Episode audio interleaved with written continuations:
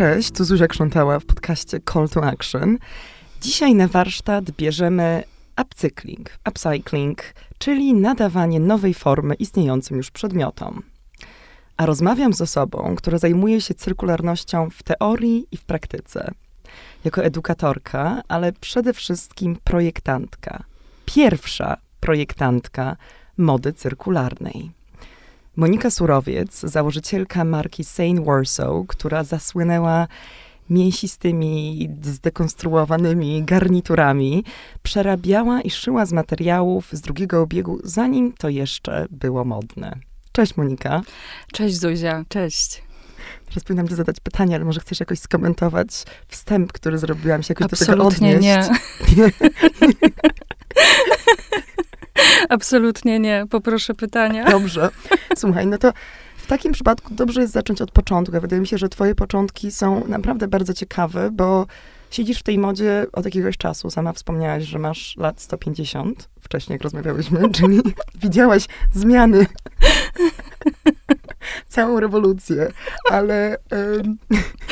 No tak, no to jest projektowanie sprzed y, rewolucji przemysłowej. A, absolutnie, to, więc to, to jest, gdzie jesteśmy dzisiaj, gdzie byliśmy wtedy. Ale co ciebie w ogóle zainspirowało, bo um, jesteś faktycznie prekursorką. Czyli co było przed tobą, co zastałaś i nic nie było. Jezus, Jesteś musimy, początkiem. Nie, musimy po prostu...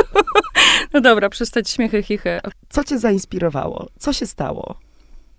Czy po prostu robiłaś to mimowolnie, nie wiedząc, że robisz to pierwsza. Pamiętam, jak mi opowiadałaś, że byłaś zaskoczona, jak siebie nazwałaś właśnie projektantką mody cyrkularnej i okazało się, że nie ma, y, że po prostu wymyśliłaś ten termin, bo takiego terminu w Polsce jeszcze nie było. Może y, w jakiś sposób postaram się to uporządkować. Oczywiście tak. nie mówimy tutaj o sytuacji, w której ja wymyśliłam w ogóle przerabianie, tylko mówimy o sytuacji, w której upcycling odnoszę do pewnego czasu, a mówimy o czasie e, po 2000 roku, kiedy mieliśmy rozszerzoną perspektywę na wysoko galopującą konsumpcję. I w kontekście tego moje projektowanie, które było mm, zorientowane na wykorzystywanie ubrań z drugiego obiegu, faktycznie wyglądało dość abstrakcyjnie.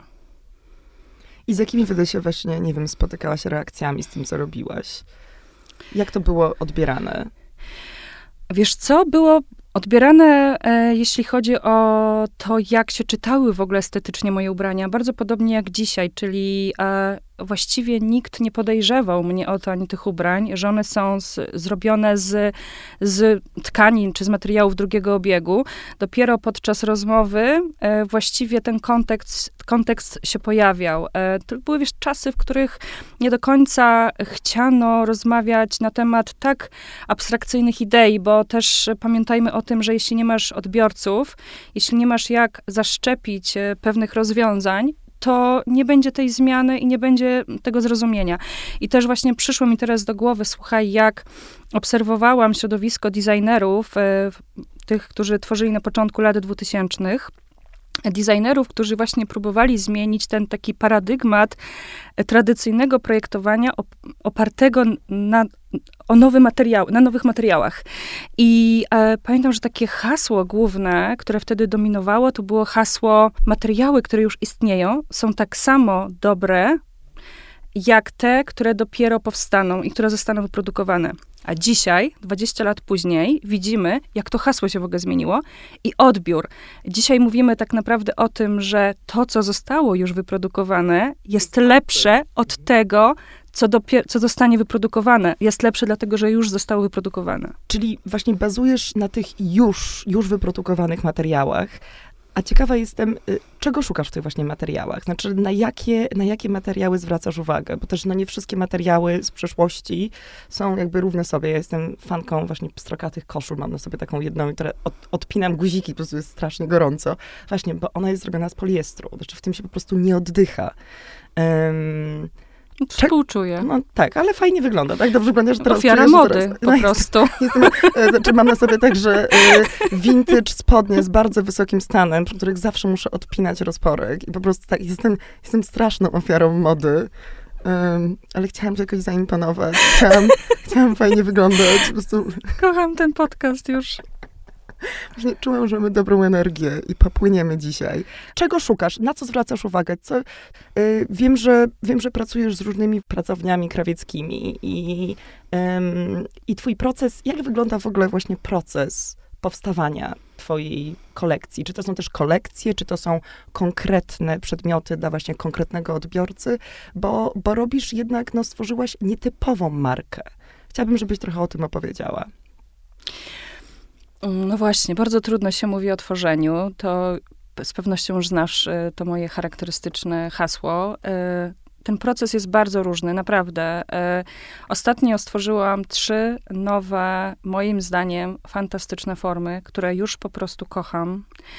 I one, słuchaj, powstały, były wynikiem impulsu. No właśnie, właśnie Były wynikiem pytam. impulsu. Ja nie pamiętam, Właśnie. słuchaj, co było tym impulsem, ale ja w pewnym momencie podeszłam do manekina, na którym była marynarka, e, kaszmirowa, o przepięknym granatowym, w przepięknym granatowym odcieniu i wiedziałam, w jaki sposób mam wykorzystać ją i jak, jak ma wyglądać ta forma. Więc e, tak to mniej więcej wygląda. Czyli działasz pod wpływem natchnienia, Dokładnie tak. Dokładnie tak. ale jednak prowadzisz markę.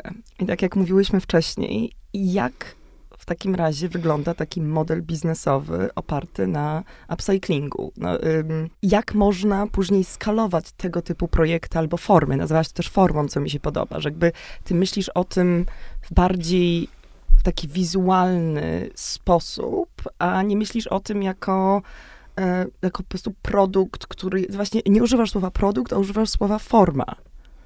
Uważam, że to jest bardzo ciekawe spojrzenie. Mhm. Ym, Wiesz, no, mnie bardzo inspirowali projektanci, którzy dekonstruowali w ogóle formy. Myślę, że, że to też odczytujesz e, z tego, co robię. E, Staram się je w jakiś sposób utrzymać e, w takiej swo- w swoistej e, harmonii. E, Natomiast e, z tego, co też zauważyłam i tak czuję, że projektanci, którzy dekonstruowali formę, oni też dekonstruowali znacznie więcej. Pewnego rodzaju kanony, podejście do mody, podejście do ciała, podejście do pewnych obowiązujących norm, e, nie tylko w samej produkcji czy projektowaniu, bo to jest jakby cała gigantyczna otoczka, która jest z tym związana, prawda, kulturowa, ekonomiczna, można wymieniać w nieskończoność. I wiesz, e, i tak sobie myślę, że to pytanie jest y, mm, bardzo trudnym i jednocześnie fantastycznym pytaniem, jak generalnie skalować zrównoważoną modę. Bo dzisiaj, wiesz, jak obserwuję mm, e, upcycling, jego rozwój, to mam takie poczucie, że e, wyszedł z takiej sfery manifestu em, jednostek, e, małych firm, takich jak moja, czy średnich, a przechodzi w taką e, strefę e, akceptacji, e, może takiego przyglądania się trochę, czy też testowania przez te takie światowe, wiodące brandy, które ten e, dość specyficzny jednak alternatywny sposób e, produkcji i projektowania zaczynają u siebie wdrażać pomału. I wiesz, pytanie, jak marka, która mm, pracuje na swoich wartościach, która ma też e, więcej czasu, może, może pozornie, e, ale z pewnością ma większą taką e, dowolność, żeby tworzyć to, co chce, ma skalować zrównoważoną modę. Czy generalnie chodzi o to, że mamy, jak mamy skalować? Czy mamy skalować ją poprzez w zrównoważony sposób wykonane przedmioty, czy mamy skalować postawy? Mhm. Bo ja bym była za tym, żeby skalować postawy, żeby jednak ta rewolucja odbywała się w podejściu do tego, jak myślimy o konsumpcji. To, to jest takie, wiesz, to jest takie moje marzenie, bo od tego się wszystko zaczyna, bo branża mody jest jedną, a tak naprawdę jeśli mówimy w ogóle o gospodarce cyrkularnej, to musimy wziąć pod uwagę wszystkie branże, a jak wiemy, branża mody jest Mhm. połączona z, z każdą jedną e, z możliwych, więc e, myślę sobie, że e, skalowanie zrównoważonej mody to jest dla mnie skalowanie właśnie takiej postawy Można ją nazywać postawą dekonsumpcyjną, można ją nazywać postawą świadomej konsumpcji. Można, można nazywać jakkolwiek, ale chodzi o to, żeby jednak w jakiś sposób ograniczyć e, swoje, a, swoje podejście do, czy ograniczyć właśnie co? Mm. co ograniczyć? Nie wiem, jakiś taki popęd, pęd. pęd. No, y, ograniczyć, a, a nawet jak mówimy o tym pędzie, to wydaje mi się, że to, że to jest i chęć, ale też tempo tego. E, bo z jednej strony mówimy o konsumpcji, z drugiej mówimy o produkcji. To też jest idea, żeby, żeby i ta produkcja była wolniejsza i żebyśmy my mieli w sobie akceptację, że nie mogę mieć rzeczy tu, teraz, bo stryknę palcem i po prostu tego samego dnia będzie czekało na mnie po prostu w impoście i nie wiem skąd to do mnie przyleci, że jest po prostu gotowe i w każdym momencie mogę to zwrócić, oddać i wyrzucić, albo w ogóle tego nigdy nie nosić i będzie się działo w tej szafie i doprowadzić do czegoś, o czym będziemy też za chwilę rozmawiać, bo mnie to bardzo ciekawi, bo wydaje mi się, że ty już trochę wdrażasz y, taką postawę. Chyba też y, wydaje mi się, że, że, że, ty jesteś takim swoistym manifestem tego, o czym mówisz, prawda? Rozmawialiśmy wcześniej o takim minimalnym, minimalnym stylu życia, który masz. Bo widzisz, y, dla mnie naturalnie jakby upcycling, chęć wykorzystania ponownego obiegu kojarzyła się z ideą, hmm, że mamy dużo i z niczego nie rezygnujemy, nic nie marnujemy, wszystko się może do czegoś przydać. Ale ty też wychodzisz z założenia, że, że my mm, znowu jakby wdrażamy to w kolejny obieg, ale żeby też zmniejszyć ilość tych rzeczy, które są, żeby zmniejszyć ilość rzeczy niepotrzebnych. No i właśnie, tutaj znowu do głosu dochodzi um, edukacja konsumencka. I praca u podstaw, absolutnie. Ta, tak, tak, i praca, praca u, od, praca u podstaw. Od Trudno podstaw, mi to jest w ogóle wy, wypowie, wypowiedzieć się na temat pracy u podstaw. Strasznie tu w ogóle jest gorąco, tak Strasznie swoją drogą. Gorąco. A to tak zawsze jest gorąco? Nie wiem, może po prostu nasza, nasza dzisiejsza energia, chyba tak, po prostu ja i ty w tym pokoju o, dzisiaj. A może wróćmy też do tej edukacji. Na przykład jutro wiem, że prowadzisz warsztaty. Jak się, jak się edukuje? Domyślam się, że osoby, które zapisały się na te twoje warsztaty, już coś wiedzą, już chcą się dowiedzieć czego jeszcze nie wiemy o cyrkularności, o upcyclingu? Y, czy są to, nie wiem, warsztaty właśnie praktyczne, teoretyczne? Jak to wygląda? Jeśli chodzi o warsztaty, to faktycznie są to warsztaty praktyczne, a wcześniej będzie taka część e, wykładowa i będę opowiadać e, trochę więcej e, na temat tego, dlaczego warto w ogóle jest wejść w upcycling i to zarówno w tej strefie takiej e, kreatywnej, e, jak i też e, zająć się tym bardziej tak na poważnie. Mam nadzieję, że się nikt nie obrazi i na przykład założyć firmę opartą na upcyclingu. Właśnie wcześniej wspomniałaś o tych modelach, o tym modelu biznesowym.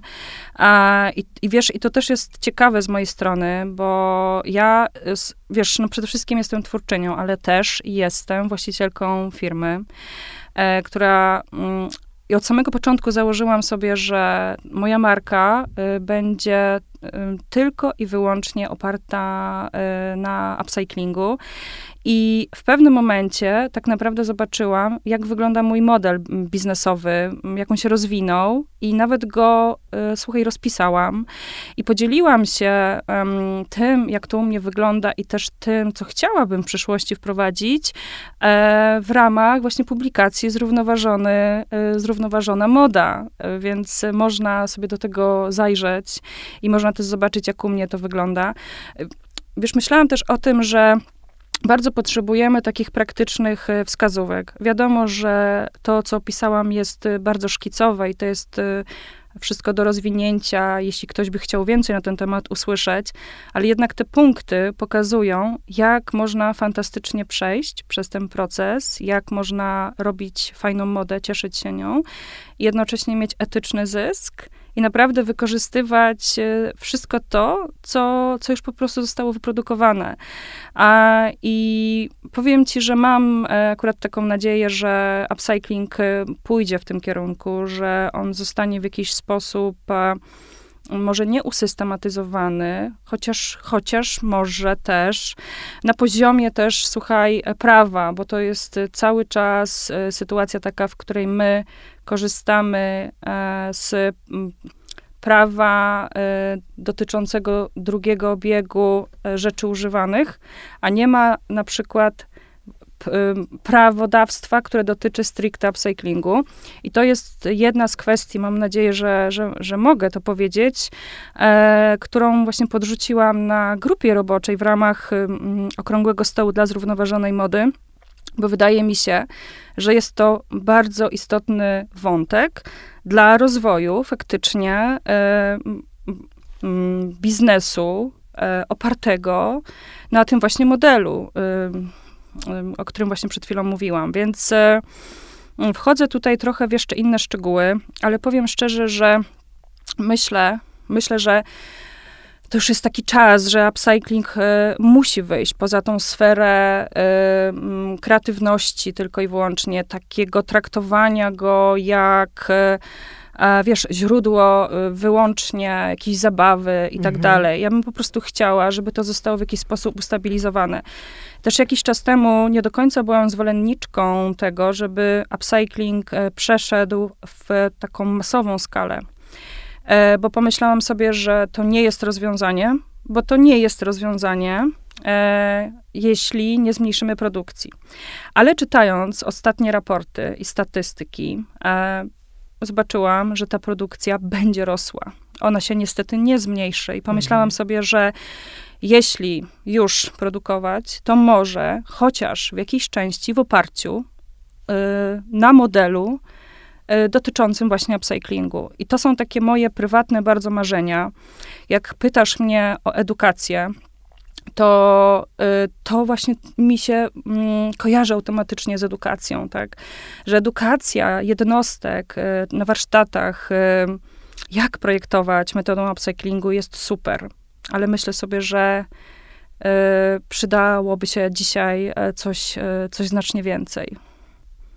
A jak w ogóle by mogła wyglądać masowa upcycling na taką, na taką masową produkcję? Znaczy, bo mi się to wciąż wydaje, może mam jakieś takie naiwne, romantyczne wyobrażenie tego. Tego cały czas jednak dopytywałam cię o ten proces tworzenia, bo jestem właśnie ciekawa. Ym, bo to, to jest skomplikowane. Bo to, są też, bo, są, mhm. bo to mhm. są też jakby za każdym razem unikatowe rzeczy. Pracujesz na unikatowym materiale wyjściowo i tworzysz rzeczy one są bardzo takie custom made. Jakby tworzysz je z myślą o konkretnej jednostce. Jakby to jest trochę, wracamy do takich korzeni mody rzemieślniczej, w ogóle takiej, takiej mody, no, mody trwałej, mody, mody na lata, mody rozsądnej, przemyślanej, gdzie nie było tak, wpadam, kupowałam szczoteczkę do zębów, przy okazji wyszłam z trzema parami butów. Mhm. No, w przypadku takich marek jak moja, małych i średnich, e, tak jak mówisz, e, ta optyka i ten sposób działania jak najbardziej e, działa e, i ja faktycznie tak funkcjonuję. Natomiast w przypadku koncernów, e, które mają w magazynach niesprzedane kolekcje, no to tutaj jest właśnie ta odpowiedź, że mogą skorzystać z tego, co już zostało wyprodukowane, co mają pod e, swoją ręką. Zresztą, e, z tego, co kiedyś czytałam, e, to nie jest tak, że nigdy to nie miało miejsca, tylko do tego się nikt nie przyznawał. Wchodziły kolekcje, które były faktycznie przerobione, tylko wtedy jeszcze się nie mówiło o tym, że jest to przeprojektowywanie, czy jest to upcycling.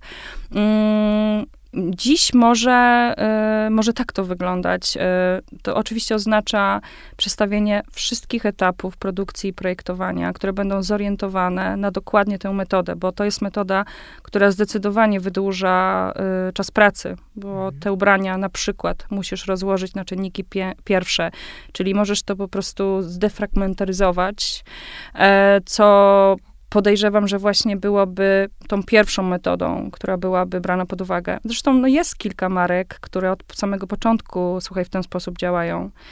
Nie będę wymieniać, ale myślę, że je spokojnie znasz.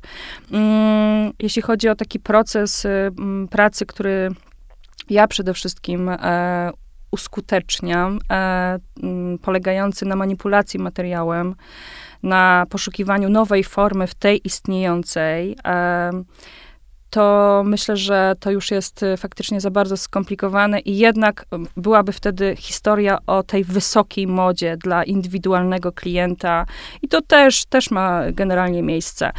E, myślę sobie, że upcycling to jest teraz ta taka przestrzeń do naprawdę do zagospodarowania i nowych idei, i nowych e, technik i technologii.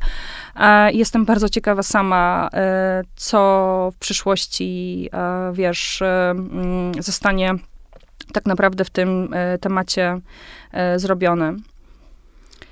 A w temacie, w temacie przyszłości, pamiętam, że w naszej rozmowie pojawił się pomysł upcyclingu cyfrowego. Mogłabyś to trochę rozwinąć? Ja, ja wychodzę teraz z takiego backgroundu metaversowego, ale to wciąż po prostu... E, tak, to jest kosmos. To jest kosmos, tak. To jest kosmos. E, no właśnie, no właśnie, bo wspominałam ci o tym w OFie i ty też wtedy użyłaś takiego w ogóle sformułowania znaczy gromadztwo jeszcze w kontekście czegoś innego, ale to mam nadzieję, że to za chwilę połączę. No właśnie, to jest, słuchaj, coś, co wydaje mi się Y, jakby niesamowite i bardzo ciekawe y, pod tym względem, y, że jest taką hybrydą mody cyfrowej i mody fizycznej. Ten projekt, który powstał, to jest projekt, który powstał we współpracy seulskiej e, marki e, z takim gigantem technologicznym, który ma swoją taką przedstawicielkę, która ma imię, to jest Tilda, to jest sztuczna inteligencja i Tilda generalnie, jak to się zaczęło, zaprojektowała na nowojorski Fashion Week um, ubrania, e, które z tego, z tego świata metaversum zostały przeniesione faktycznie na wybieg. Oczywiście e, projektant w seulskiej e, firmy m, mm, zinterpretował to, jak widziała obraz kwiat, kwiatów i obraz e, Wenus e, na swój własny sposób, e, bo kolekcja miała tytuł Kwiaty na Wenus. I co teraz ciekawe i właśnie na czym polega teraz ta cała kolejna historia, o to oczywiście bardzo w skrócie opowiadam po tym całym procesie e, tej współpracy ze sztuczną inteligencją powstało mnóstwo obrazów, kilka tysięcy obrazów zostało wykorzystanych, nie, nie, pamiętam ile, czy 30, czy 100. I wtedy wpadli na pomysł, żeby zrobić taką interpretację, taki rodzaj patchworku e, z obrazów już istniejących, żeby wykorzystać e, to, co mogłoby albo zostać usunięte, albo zazwyczaj ląduje w jakichś E, archiwizowanych folderach mhm. i zazwyczaj już do tego nie zaglądamy. E, I żeby stworzyć taką interpretację ubrań e, w świecie rzeczywistym, czyli te kolaże, e, które są pozostałością właśnie tych, e, te, te kolaże, te obrazy, e, one są takim punktem wyjścia i ubrania fizyczne, które powstały, one są interpretacją, impresją na temat właśnie tego, to, więc e, tak to mniej więcej wygląda. I powstały techniką Boro, czyli takiego zszywania skrawków materiałów. I to są w ogóle ubrania, które pochodzą z, z drugiego obiegu. Więc jest to w pewnym sensie taki koncept artystyczny, pe pewnego rodzaju manifestacja tak. możliwości która y, mnie osobiście fascynuje, bo zastanawiam się, jak dalej to pójdzie.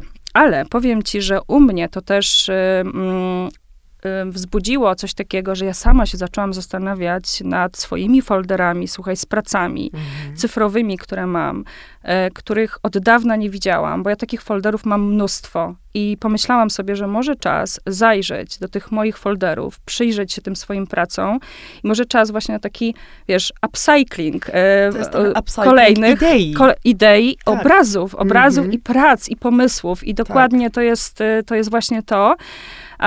I też, wiesz co, zaczęłam się zastanawiać nad tym, że Mówimy cały czas o nadmiarze, mówimy cały czas o tym, żeby ograniczać się, żeby zmniejszać, a jednocześnie e, widzę na przykład, jak ja czasami tworzę, ile pomysłów przychodzi mi do głowy i jak bardzo chciałabym zrealizować wszystkie. Właściwie to mogłabym, słuchaj, otworzyć, otworzyć bank z niezrealizowanymi mhm. pomysłami i je po prostu odsprzedawać albo wynajmować. E, myślę, że wielu twórców też tak ma. I też zaczęłam się zastanawiać nad taką swoją własną, słuchaj, higieną tworzenia. Czy na przykład jestem jednak e, swój umysł w jakiś sposób zharmonizować, żeby jednak uzyskać jakąś może większą celowość w myśleniu i wymyślaniu, w takim wizjonerstwie gdzieś tam projektów. E, powiem ci, że mm, kończąc ten swój wywód, że ten upcycling właśnie cyfrowy, który dla mnie jest jakimś naprawdę kolejnym poziomem e, myślenia w ogóle o zrównoważonym rozwoju w modzie. Przyniósł dużo więcej rozkminek na zupełnie innych poziomach, niż y, mogłabym w ogóle się tego spodziewać. Co zrobić z taką nadmierną Yy, Wrażliwością? Wraż tak, tak, no trochę tak. Taką też taką kreatywną pobudliwością i, i rzeczy, z których gdzieś, gdzieś rezygnujemy po drodze, tak, bo to jest jakby, cała ta idea to jest yy, wykorzystywanie rzeczy niewykorzystanych. Tak. Tak wydaje mi się, że to w ogóle bardzo ładna definicja upcyclingu. Wykorzystywanie no. rzeczy, nie wykorzystanie rzeczy niewykorzystanych, tak. tak bo wykorzystywanie to, to, to brzmi zaraz źle. nas Nikogo tutaj posądzą. Masz rację, czyli to jest... Wymyśliłam dzisiaj zbiera... Nie, to nie było zbieractwo.